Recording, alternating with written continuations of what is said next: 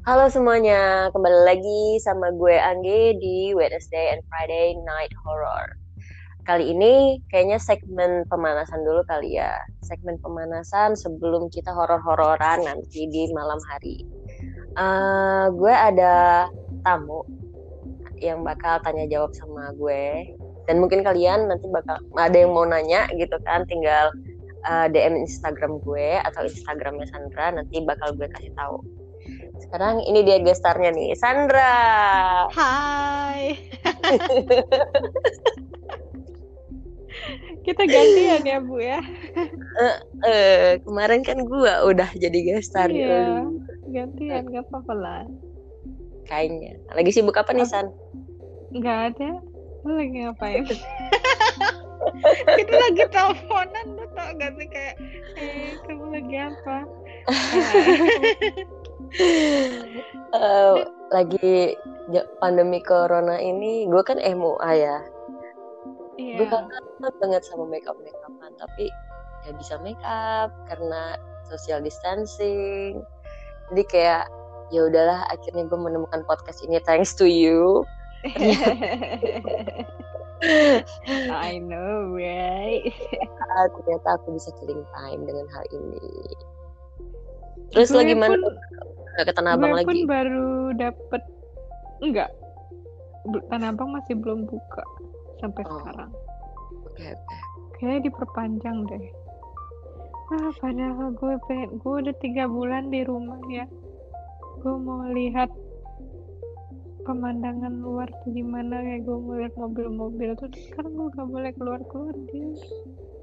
Karena lu kayak gue imun lu imun lu ini rendah kak tadi lu ke, ke depan pagar aja Ih, tapi gue mau lihat jalanan, Nah, gue mau lihat jalanan yang luas.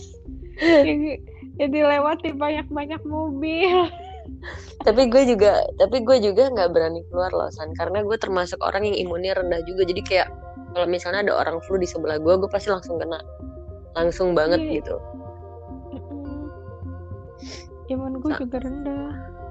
Iya, makanya. Terus gimana? Sekarang gak ada kesibukan apa-apa dong. Berarti lu leha-leha aja di rumah. Ya itu aja paling gue. Oh sekarang gue ngajarin bapak gue. Apa? Ngaji. Ngaji? Ya, iya udah ikut lu gak, Lu gak mau ngajarin gue ngaji apa san? Kan kan lu udah bisa ta baca Al-Quran mah. bisa. Gue baru ikro. bisa gue baca Quran. Gue bisa gue baca on fire Quran. banget dia sekarang. ah serius serius. Iya, udah udah. minta diajarin. Udah jus dua eh jus dua ikro dua itu. Udah ikro dua mau loncat katanya. Ah mau loncat? Iya mau mau yang paling belakang. Maksudnya biar cepet selesai biar cepet emang doi udah lancar? Emang doi udah lancar? Belum. Dia hafal ikro satu. Ya. Iya. Ya gitu Om, lah. sabar Om. Iya makanya mau langsung loncat ya. Katanya gak usah lah si itu mama kamu ngajar marah-marah terus kata dia gitu. Sandra aja. gue kan gak pernah marah ya. Uh -uh. ngajarin pun ya udah gue ikhlas aja gitu kan. Oke, semangat ya San. Semoga bokap lo cepet iya. sampai Qurannya ya jadi lu ngapain aja Gak ada sih, gue sebagai sebagai ibu rumah tangga, gue bantu mertua iya. gue. Gue iya, bantu, ibu rumah tangga. Iya, anjir. gue bantu mertua gue, bantu beres-beres rumah, nyetrika, nyapu, ngepel ya gitu-gitu lah. Bantu di dapur. Bantu di dapur tuh sekenanya aja karena gue kebetulan gue eh, tidak ahli dalam memasak. hmm, hmm, foto kemarin wah gue lihat foto-foto lu kayaknya lu bisa masak kok. Sedikit-sedikit san. Masakan-masakan gampang. Iya gue juga sih bisa. Gue juga kadang bantu-bantu dapur kalau udah mau asar. Gue selalu turun ke, ke bawah habis azan asar jadi keluar gue sholat asar gue langsung bantu-bantu gitu ya sih sama sama. Kalau gue sih jam 4 sih pasti. Oh iya. Gue mm. selesai azan asar sih biar gak ditanya-tanyain. Cepetan sholat naik lagi. Udah mendingan gue selesai habis azan asar gue turun dah gak bakal ditanya-tanyain langsung buka. Tapi tapi tapi gue mau nanya sesuatu nih sama lo. Uh, menurut pandangan lo uh, kisah-kisah mistis itu kayak gimana sih? Maksudnya kayak kayak uh, lu ngelihat nih ada orang bisa ngelihat ngelihat hal-hal goib kayak gitu dari yang level paling rendah gitu ya yang cuma oh. ngelihat doang tanpa interaksi sampai level yang tinggi itu mungkin maksud gue kayak yang memang dia udah bisa bisa berinteraksi mindahin si setannya bisa iya, ngerasukin ya, orang bisa gitu. merasukin yes yes yes yes gitu. yes yes ya aha, itu aha. Uh, menurut lo gimana pandangan lo dari dari yang dari yang rendah ya kayak kayak yang level yang tadi gitu kalau menurut gue sih ya kalau makhluk halus gitu-gitu sih gue percaya ya cuman gue tipe orang yang kalau yang gue nggak percaya kalau makhluk halus itu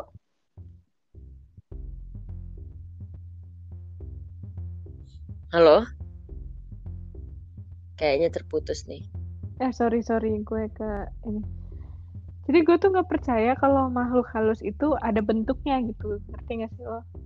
Jadi eh. menurut gue tuh makhluk halus tuh udah kayak sejenis roh doang kayak roh tapi dia uh -huh. tuh kayak ngikutin apa yang kita takutin ngerti gak sih yeah. misalkan nih lu takut sama kuntilanak oke okay. terus yeah. roh ini kayak tahu lu takut banget sama kuntilanak jadilah dia kuntilanak kalau uh. oh, ah. roh ini tahu kayak lu takut nih sama pocong atau gimana gimana kan jadi kayak bentuk-bentuk setan-setan itu menurut gue sih karena pola pikir kita sendiri menurut gue sih gitu terus kalau misalkan yang tipe-tipe uh, kayak yang sampai kesurupan dan apa-apa gitu ya itu menurut gue sih ada ada aja. Cuman ya gimana ya mungkin beberapa orang bukannya orang sih kayak jatuhnya beberapa orang kayak gak mau diganggu gitu. Ngerti gak sih? Kayak kita gitu loh. Kita siapa yeah. siapa sih yang mau diganggu gitu? Lu yeah. lagi ngapa-ngapain? Lu lagi chill lu lagi gak ada kerjaan. Terus tiba-tiba hey main yuk. Lu siapa anjir? Gitu. Yeah, yeah, yeah, lu yeah. ngapain? Gitu kan. Ya udah gue ganggu aja. Jadi gue ganggu. Biar yes. dia keluar gitu kan. Kayak ya gue hmm. nggak mm. mau ya ya berhak sih kalau roh itu marah. Kayak sampai ngerasukin atau gini-gini gitu kan. Sampai dia gitu. Ini menurut gue sih itu nggak masalah. Karena kalau nggak akan diganggu ke gak ngegang kita nggak ngeganggu mereka juga nggak bakal ngeganggu gitu tapi ini ini menarik ke karena ada beberapa case di mana kayak gue nggak tahu ini ini case nya uh, benar atau enggak gitu ya karena kan ada yang kayak di berita-berita gitu kesurupan massal di sekolahan kesurupan massal di pondok hmm. pesantren apa gitu kan uh, itu uh, balik lagi ke kan kata lo dan menurut pandangan gue juga seperti pandangan lo ya. Jadi gue juga meyakini pandangan yang sama dengan lo bahwa uh, kita saling nggak usah saling ganggu lah gitu kan. Kita ada boundaries masing-masing gitu kan. Uh, dan juga uh, jin itu mengambil perawakan bagaimana kita membayangkan mereka. Itu tuh gue sama sama lo. Yeah. uh, tapi untuk untuk case yang kesurupan masal seperti itu apakah memang ada uh, pemicunya gitu sehingga kok mereka bisa kesurupan massal kalaupun kalaupun ada pemicunya kenapa nggak uh, orang yang membuat keonaran itu aja yang dihukum? Kenapa harus massal gitu kan? Menurut lu itu gimana? Kalau menurut gue uh, kayaknya dalam agama gue lu Islam juga dalam iya. agama gue ngajarin kalau misalkan makhluk halus itu hampir 11-12 sama manusia ya oh ya, gitu gimana tuh Iya nggak sih kayak mereka punya sifat yang sama. Jadi kayak kalau misalkan lu bengong ya iseng gitu loh kayak ah gue isengin ah gitu kan. Terus ternyata ya mungkin gue tuh cuma iseng aja. Oh jadi kayak uh, kita kan diberi jadi, kemampuan untuk untuk ada emosi, ada nafsu segala macem gitu kan. Mm. Uh, jin-jin itu kan dan setan itu juga kan ya gitu memang diturunkan ke ini buat menggoda manusia kan tapi iya. lo lo sendiri ada nggak sih pengalaman pernah ngelihat gitu kesurupan masalnya itu kalau kesurupan masal di pesantren gue nggak pernah tapi gue pernah ngeliat orang kesurupan di kamar gue Jadi Gimana waktu tuh itu ceritanya? posisinya di pesantren gue itu gue di kamar atas. Terus itu Hmm. tuh ada totalnya tuh ada 100 orang di dalam kamar gue itu. Rame Oh. kan? Gede dong berarti Kayak- kamarnya.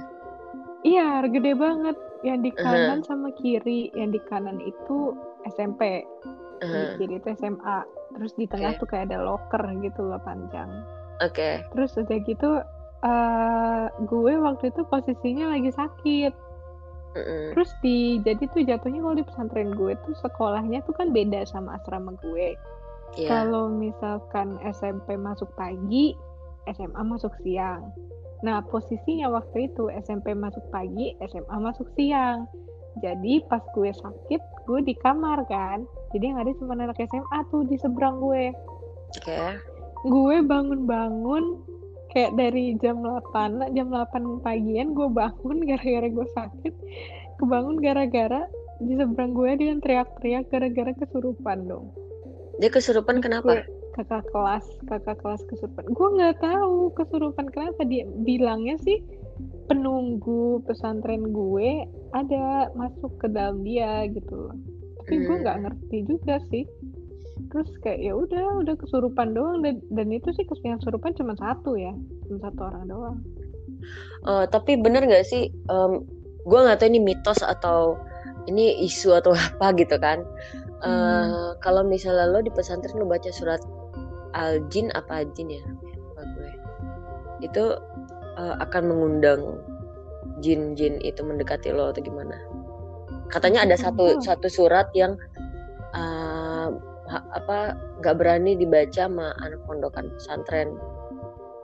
oh iya gue nggak tahu Oh nggak tahu ya? yang gue tahu ada doa buat Heeh. musir musir ini buat musir setan ada jadi kayak di print doanya terus ditempel biasanya kalau di pesantren gue ditempelnya di dinding atau tempat-tempat yang misalkan menurut lo agak serem gitu atau kebanyakan yang aneh-aneh di situ kayak ada yang lewat atau apa-apa lu tempel di situ. Biasanya setan nggak bakal lewat gitu kan atau takut sama doa-doa itu. Cuman ya balik ke diri sendiri ya karena kan sekarang nggak terlalu gimana ya kalau ya nggak terlalu percaya percaya kayak 100% gitu kan. Iya. tinggal sih kayak mm-mm, gitu. Oke. Kayak Mungkin misalkan gue gue punya doa-doa yang ini nih kalau gue keluarkan dan kasih tahu ke orang lain kayak ini biasanya sih kalau gue kayak gini gue pakai doa ini nggak 100% orang-orang bakal ngikutin kata-kata gue gitu kan ya karena di satu sisi ya itu menurut lo bukan menurut gue gitu ya kan. percaya apa enggak gitu kan iya jadi yang basicnya ya pasti ayat kursi. Yang orang-orang pasti tahu kan? Yes. Ayat kursi. Basicnya lah. Iya sih. Gitu. Eh, tapi lu pernah? gue gue sih enggak enggak sih. Gue ngelihat kayak orang ngelihat orang kesurupan gitu lu gak pernah? Enggak enggak sih. Cuman eh, ada salah satu temen gue yang memang dia bisa bisa ngusir setan da- dari yang kesurupan gitu eh apa namanya dan dia juga bisa membuat dirinya kesurupan gitu dan juga dari gue nih dapat kabar dari temen gue yang lain ya bukan bukan bukan dari temen gue yang bisa ini tapi ini temen gue ceritain temen gue yang itu katanya bisa menemukan barang yang hilang gitu gue nggak mau sebut Iya. siapa eh, siapa orangnya karena gue takut ini eh, privacy dia kecuali dia sendiri mau cerita karena gue sendiri nggak ngerti detailnya kayak gimana kan bener gak sih Nah, untuk untuk untuk untuk view-view gue ke hal-hal seperti itu karena gue belum pernah merasakan sendiri dan melihat melihat sendiri, eh, gue masih 50-50 sih. Gue nggak gue nggak bilang gue nggak percaya, tapi agak aneh iya karena ya sebagai orang awam gitu kan, gue yakinlah mereka yang yang yang bisa eh, ilmu-ilmu seperti itu mengerti lah orang awam seperti gue. eh, percaya nggak percayanya kayak gimana gitu kan.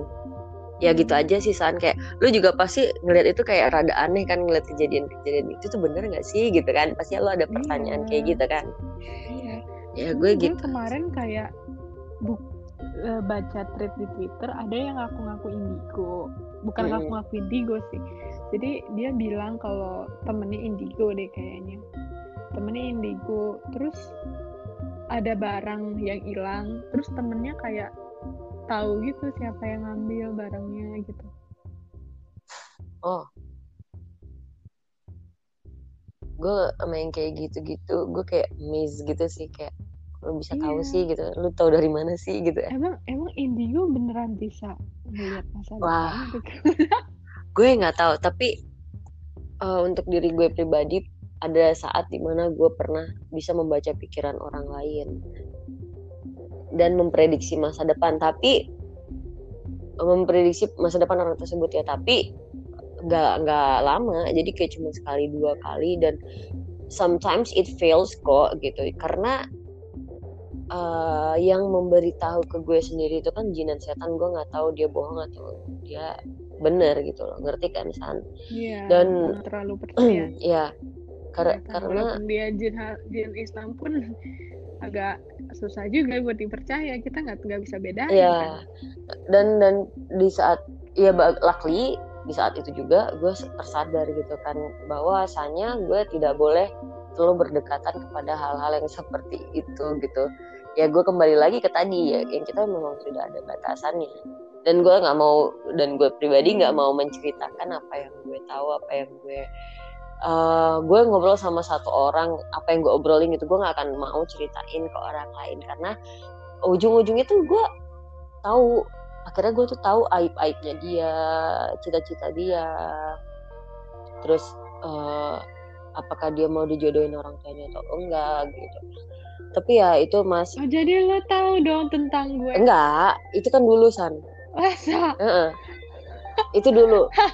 Itu dulu like bener-bener dulu banget dan itu cuman sekali dua kali tiga kali. Ada beberapa kali sih orang orang datengin gue nanya-nanya gitu kan.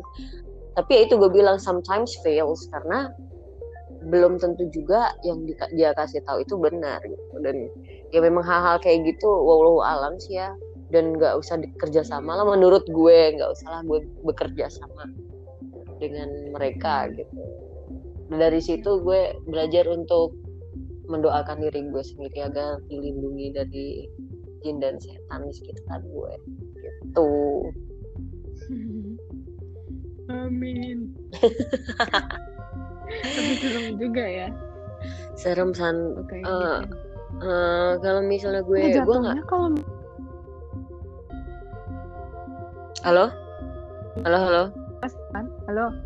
Ya. Halo? San sorry sorry suara lo putus-putus. Oke. Gimana gimana? Kedengeran nggak? Enggak, Udah, udah. kalau lo misalkan percaya sama yang begitu-gituan lo menyekutukan Allah nggak sih enggak ya iya kan Nah, eh, gue mikirnya tuh kayak gitu ya. Gue mikirnya kayak gitu. Eh, pada saat itu, jangan-jangan gue menyekutukan Tuhan, karena gue eh, percaya sama apa yang mereka bilang, gitu kan.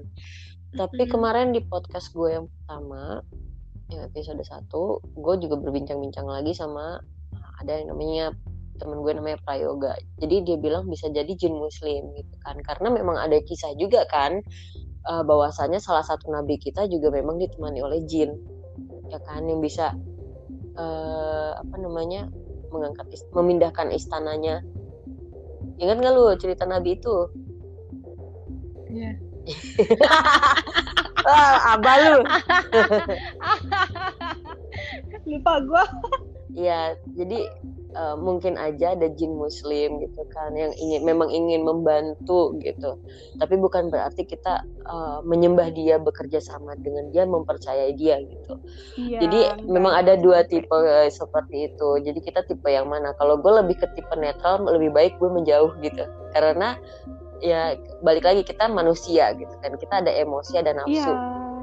Gue nggak mau nafsu Iya, gue menuruti eh em, nafsu gue eh, lebih lebih banyak nafsu untuk menuruti ego gue ya ego gue yang gue ingin tahu ini ingin tahu itu. Jadi eh, akhirnya gue bekerja sama dengan jin gue gak mau. Iya sih jangan sampai. Eheh.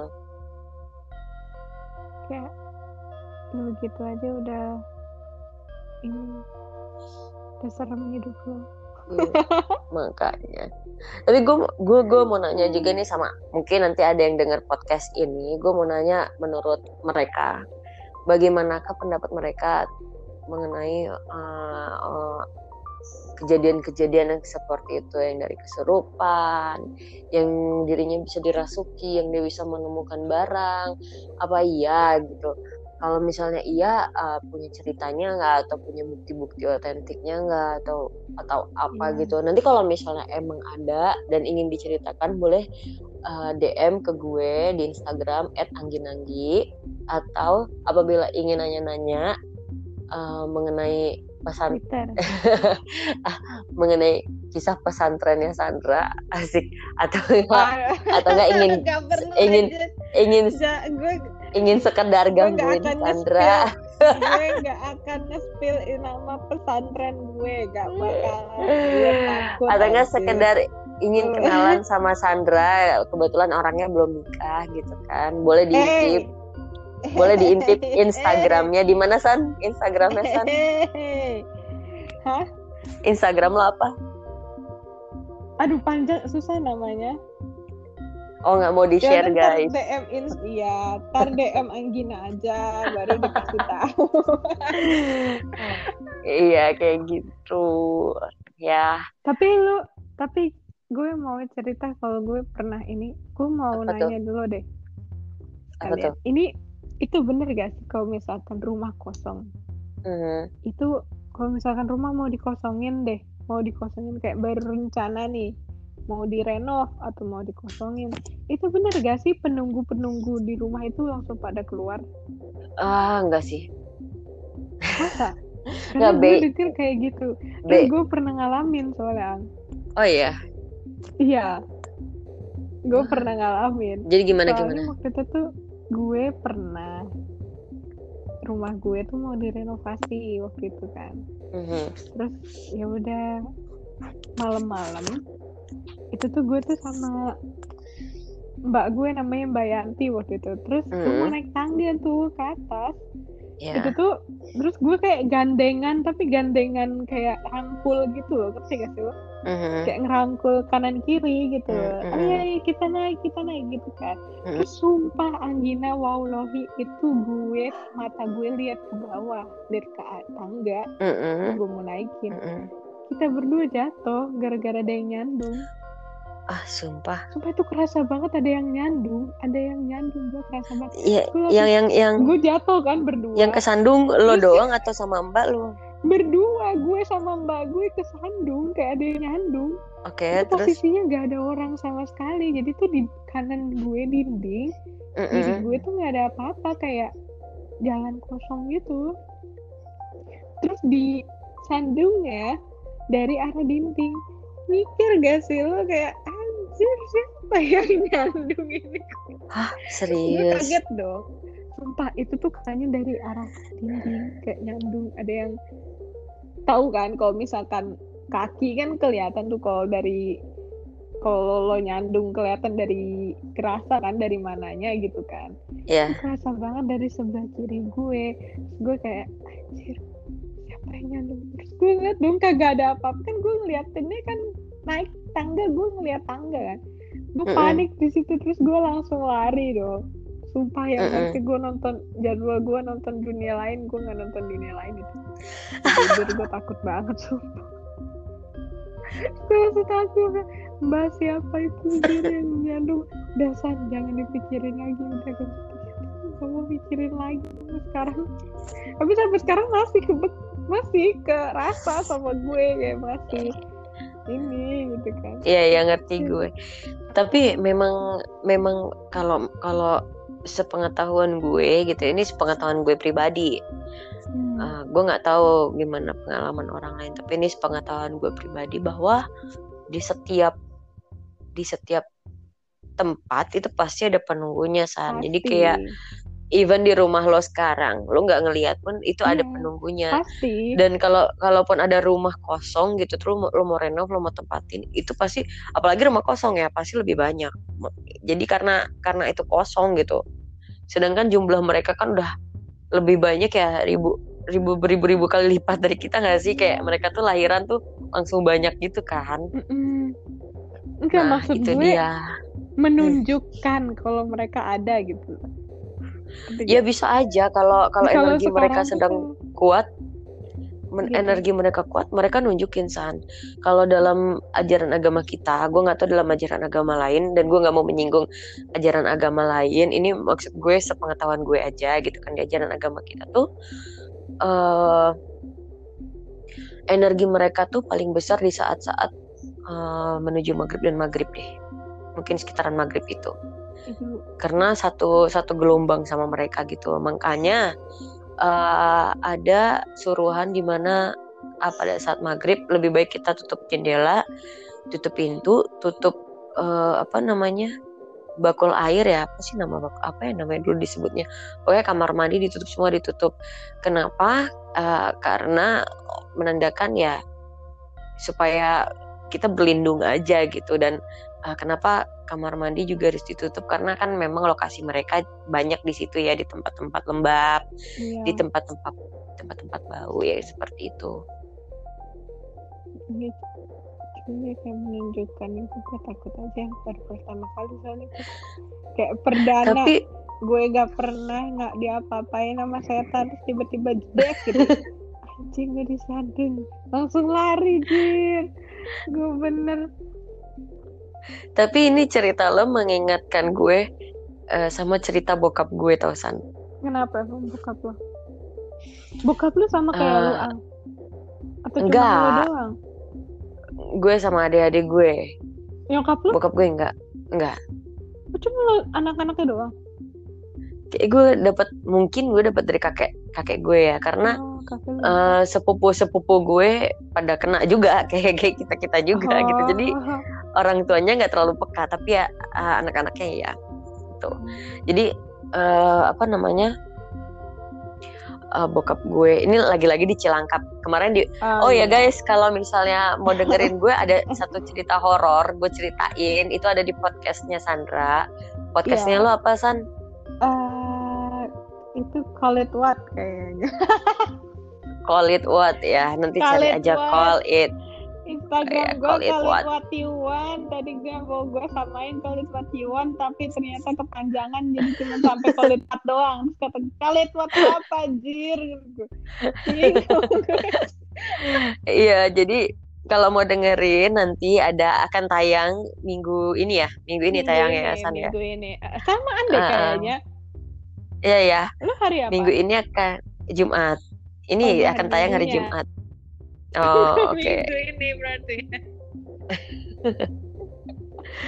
Oke, itu gue ada cerita horor mengenai salah satu rumah gue yang ada di Cilangkap, yang Itu memang seru. rumah itu rumahnya memang terkenal horor. Deh, Itu ini- ini- nih, balik I'm lagi really- ke- I'm really glad kalau lu cerita tentang itu di podcast gue. Jadi Ya, ini ini ini gimana? Ini salah satu cerita yang di Cilangkap lagi. Iya, Tapi ini recent lah ya, recently ya. Jadi kayak tahun 2018. Baru. Yes. Ah, iya oke gimana? Jadi eh eh, apa namanya? Bokap kalau bokap kan kerjanya di Pekanbaru ya, tapi doi kalau balik ke Jakarta, rumah gue kan ada di daerah Jakarta Selatan ya, Cilangkap kan Jakarta Timur ya, adalah di salah satu daerah Jakarta Selatan. Bokap eh, pasti datengin rumah yang di Jakarta Selatan dulu dong, dan sometimes Mm-mm. doi nginep di Jakarta Timur karena itu rumah kosong harus ada yang ngurusin gitu kan. Jadi sometimes doi ke sana buat tidur di sana bareng sehari gitu. Cuman buat ngurus-ngurusin doang capek istirahat di sana. Ah, ternyata ini singkat cerita pada saat bokap gue tuh orangnya suka begadang ya san Hmm. Suka banget begadang karena doi suka ya kalau udah capek terus yang tidurnya agak lama gitu terbegadang. Se- Hmm. selesai dia nonton TV dia mau tidur eh, lagi pejam mata nih. Jadi posisinya ini kamar nih. Iya, lo, lo lo lo bayangin lo bayangin ya kamar. Terus biasanya kasur ada di salah satu sudut kamar dong ya kan Iya, heeh. Ah, di depan kasur itu tuh ada TV di samping kiri kasurnya eh di se- sebelah TV itu pintu masuk Iya. kebayang nah di Kebayang, sebelah kebayang. kas di sebelah kasurnya itu ada lemari Nah, di, di sebelah kiri kasur itu lemari, di sebelah kanannya tembok. Mm-mm. Nah, di bagian kepala kasur itu itu jendela, Iya. jendela Oke. depan. Oke. Nah, eh jadi bokap matiin TV, doi mau tidur, tidur menghadap ke Hmm. lemari gitu kan, belok kiri lah itu? gitu. Gua gua gua gua nggak diceritain pasti kata bokap sih tengah malam. Oke. Nah, eh doi eh, madep kiri buat tidur gitu lo tau kan, tidur madep kiri. Iya, Nah, madep lemari tuh, madep lemari. Mm-mm. Terus tiba-tiba pas lagi tidur doi dengar ada ada tukang jualan sayur lewat. Sayur, sayur gitu kan. Suara cowok, Cewek. Terus cewek. bokap gue mik bokap gue mikir cewek. Bokap gue mikir oh mungkin tukang sayur. Lu tau kan tukang sayur yang pagi-pagi buta dia jualan. Iya tahu. Yang dia- gue nggak kan? tahu ya kalau sampai pagi buta gitu. Gue biasa gue kira jam 7 jam 8.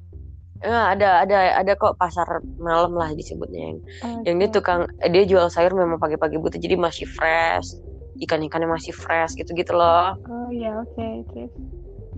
Eh, jadi bokap gue pikir ah ini tukang sayur keliling kali nggak abis ngambil dari pasar itu gitu kan Aja gue takut Terus- tuh. Gue takut Terus-. Ya terus. nah terus Oke udah terus. terus udah kayak gitu ini bokap eh, tidur sendiri ya nggak sama nyokap gue nyokap gue lagi di Medan Medan Hmm. apalagi di mana lupa gue nah terus sayur sayur. Ada gitu lagi kan? Cara Hmm. cewek ya ibu-ibu ya. Oke. terus bokap gue akhirnya buka matanya. Apaan sih berisik banget gitu. Karena eh, suaranya tuh besar gitu. Suaranya besar kayak di dekat rumah. Bokap gue bingung apa ada yang beli sayur jam segini? Gitu. Kok kayak dia berhenti gitu kan? Kok ini tukang sayurnya kayak berhenti di dekat rumah gitu. Oh iya. Dia- Heeh. terus eh, dia nge eh, si tukang sayurnya jerit lagi sayur sayur gitu kan. Akhirnya eh, bokap gue buka mata maksudnya kayak mau balik badan gitu ke arah tembok gitu kan. Mau balik badan aja karena nggak tenang lah ya. Tidurnya tuh berisik banget gitu kan. Pas balik badan ke arah tembok ternyata ada tukang sayur di, keluar dari Anjing. tembok Ah gila anjing gue nangis ya Allah. Jadi ada tukang sayur ada tukang sayur. Jadi kayak arahnya tuh kayak eh, tukang sayurnya tuh mau masuk ke tembok. Lo ngerti kan? Tapi dari atas kasur. Jadi dia bawa gerobak dia bawa gerobak gerobak sayur. Jadi dia pakai eh, baju tradisional baju tradisional. Lo bayangin ya pakai baju tradisional ibu-ibu terus dia lenggok-lenggokin pinggulnya sayur pak sayur gitu bokap gue ngeliat langsung mukul-mukulin tembok itu karena pada dasarnya bokap gue ini bad boy gitu ya maksudnya kayak untuk Iya. untuk ke hal-hal mistis gitu dia nggak percaya dia berusaha untuk tidak percaya karena dia berusaha untuk berani gitu ngerti kan ah.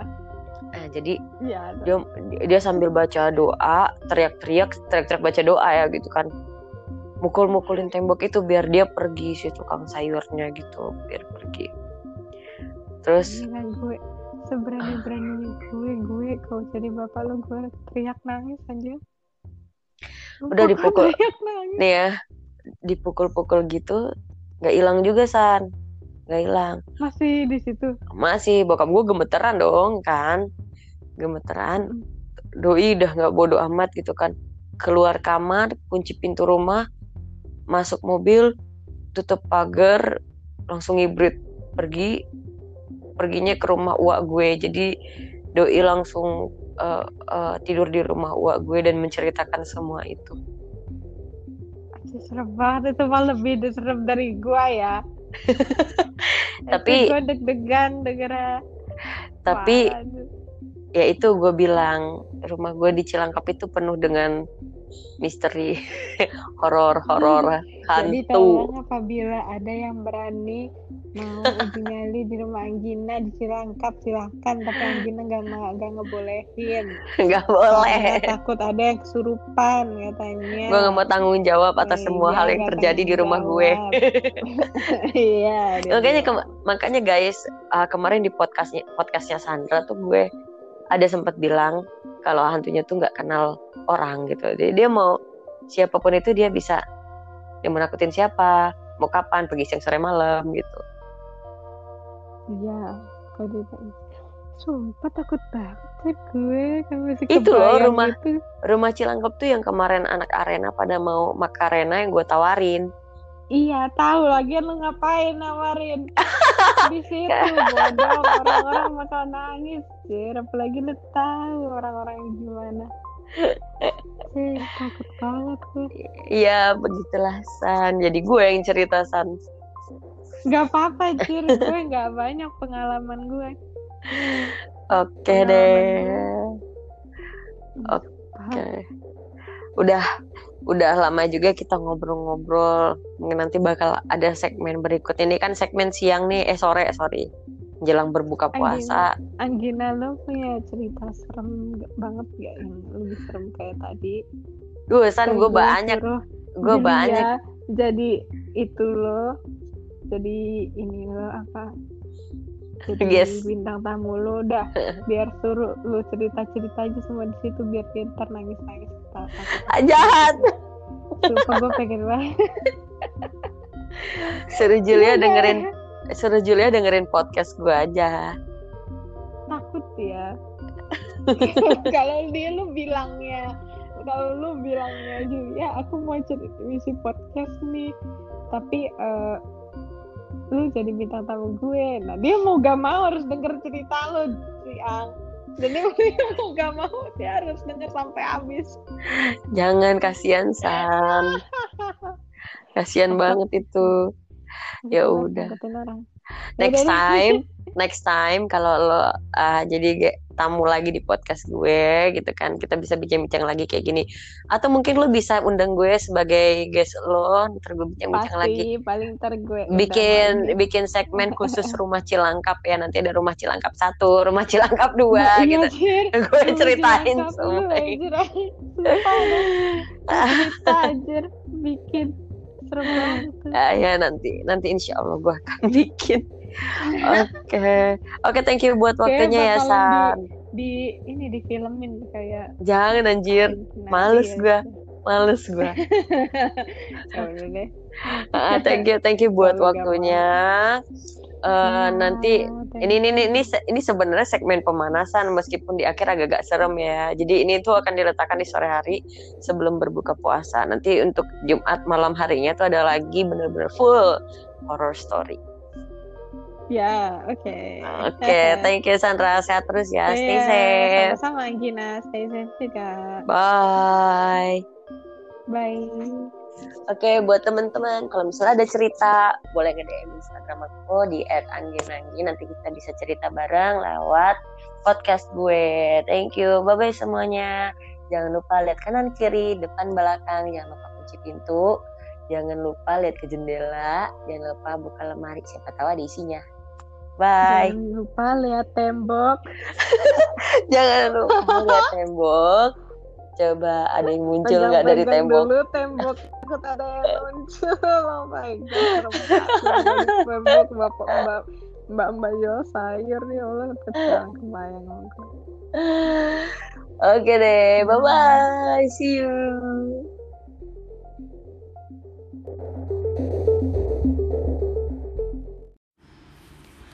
Uh, halo, jadi uh, tadi sempat kan uh, kita ngobrol-ngobrol mengenai nabi seorang nabi yang uh, dibantu jin untuk memindahkan istana. Itu gue mau koreksi, barusan gue cari tahu uh, ternyata itu Nabi Sulaiman yang memindahkan singgasana Ratu Bilqis dengan bantuan seseorang yang belum diketahui namanya. Tapi memang seseorang itu, ini orang ya, bukan jin uh, dia bisa memindahkan singgasana Ratu Bilqis uh, dalam sekejap jadi dalam satu kedipan mata gitu.